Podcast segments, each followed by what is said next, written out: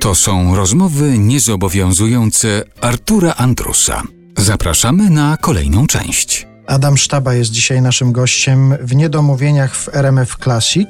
Powiedziałem na początku, że kłopot się zaczyna, jak się chce wymienić te twoje funkcje, które w życiu zawodowym pełnisz. Kłopot się też zaczyna, jakby się chciało ustalić początek tego twojego zawodowego życia. Czy ty masz jakiś moment, który uznajesz za absolutny taki zawodowy początek twojego życia? No bo w wieku 18 lat komponujesz muzykę... Musical, tak, do, własne. do musicalu, tak. Trudno powiedzieć. Oczywiście, tak jak mówię, ta rodzina moja nie była zawodowa muzyczna, chociaż bardzo melomańska i ja właśnie miałem 4 lata i wszystko, co było pod ręką, y, służyło mi za instrument.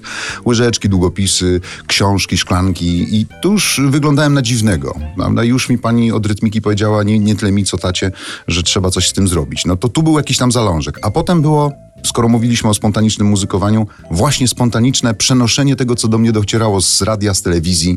Koledzy się w szkole dziwili, dlaczego ja bez nut gram George'a Michaela, Michaela Jacksona, Whitney Houston. Po prostu naturalnie mi to przychodziło. I dzisiaj nawet moja żona, która zna mnie dobrze, mówi, jak to jest, że zagrałeś pierwszy raz y, ten utwór, nigdy nie ćwiczyłeś. Nie mówię, no bo ja go słyszałem, na tyle mocno go słyszę w głowie, że ja go przenoszę od razu na fortepian.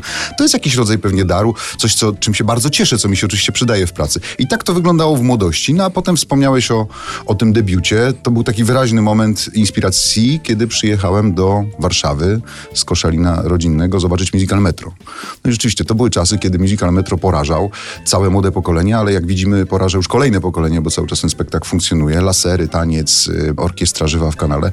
Wróciłem do tego swojego Koszalina i z kolegami ze szkoły muzycznej głównie, a było nas łącznie 40, bez pomocy nauczycieli, dokonujemy własnego autorskiego musicalu. Piszemy to rok, i gramy na deskach profesjonalnego Bałtyckiego Teatru Dramatycznego w Koszalinie. No i taka to piękna historia i potem już reakcja łańcuchowa, Warszawa, studia. A zdarza się, że ktoś się pojawia, ktoś z nienacka mówi, proszę pana, ja widziałem ten wasz musical wtedy w Koszalinie. Zdarzają się na przykład takie sytuacje, że ktoś ci mówi, że się na tobie wychował. Zdarza się i są też tacy, którzy byli na wszystkich spektaklach. Ich nie było dużo, bo ich chyba było 13 albo 14 zagrane w Koszalinie.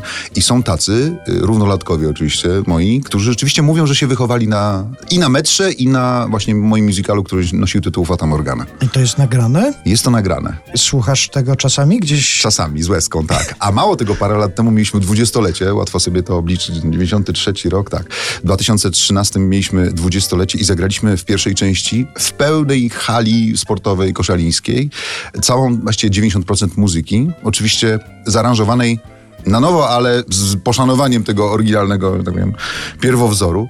I naprawdę łezka się oczywiście kręciła wokół, ale też stwierdziliśmy, że to właściwie się trzyma do dziś. Ta aktualność, nie, oczywiście to są protest songi, to jest pewien rodzaj naiwności młodzieńczej w tym dziele, ale bardzo nam się to dobrze grało. I my, 40-latkowie, wówczas wyszliśmy na scenę i zaśpiewaliśmy te piosenki sprzed 20 lat. Powiedziałeś o tym zachwycie, jaki wywołało w tobie obejrzenie musicalu Metro.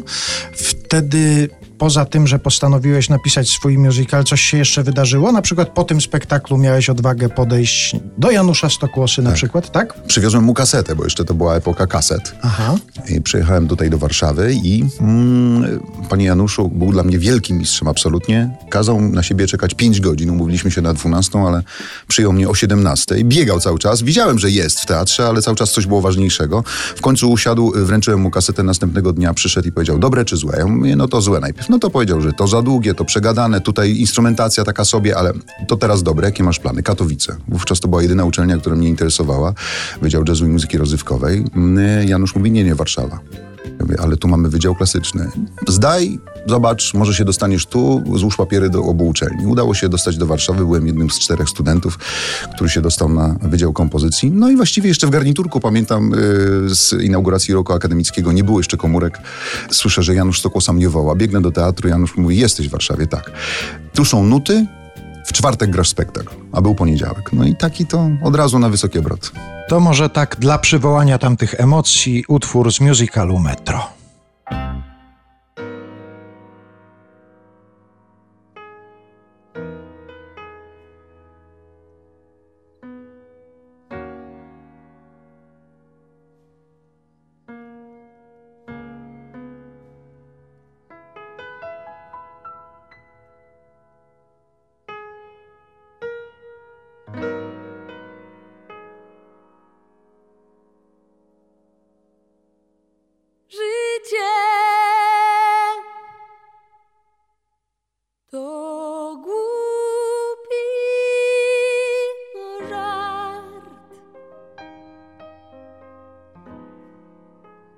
Choć miewa czasem gest,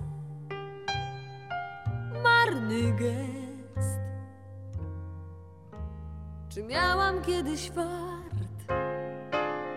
Zdarzyło się we śnie. Na jawie nieco mniej, nieco mniej.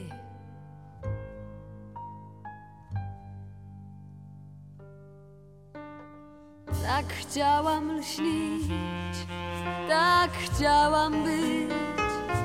Chciałam ze światem ładnie grać. Lecz świat znaczone karty ma. Zawsze przegrana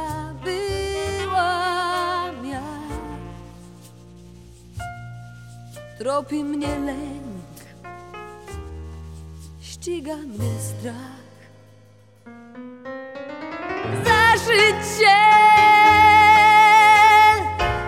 gdzieś w jakąś noc. Zagasić w sobie świat, cały świat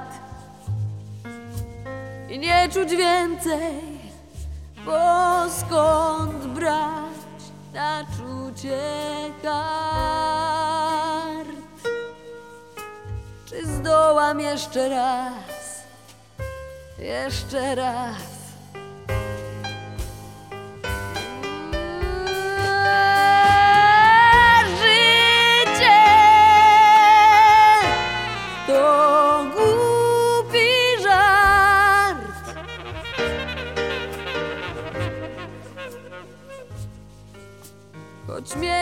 czasem gest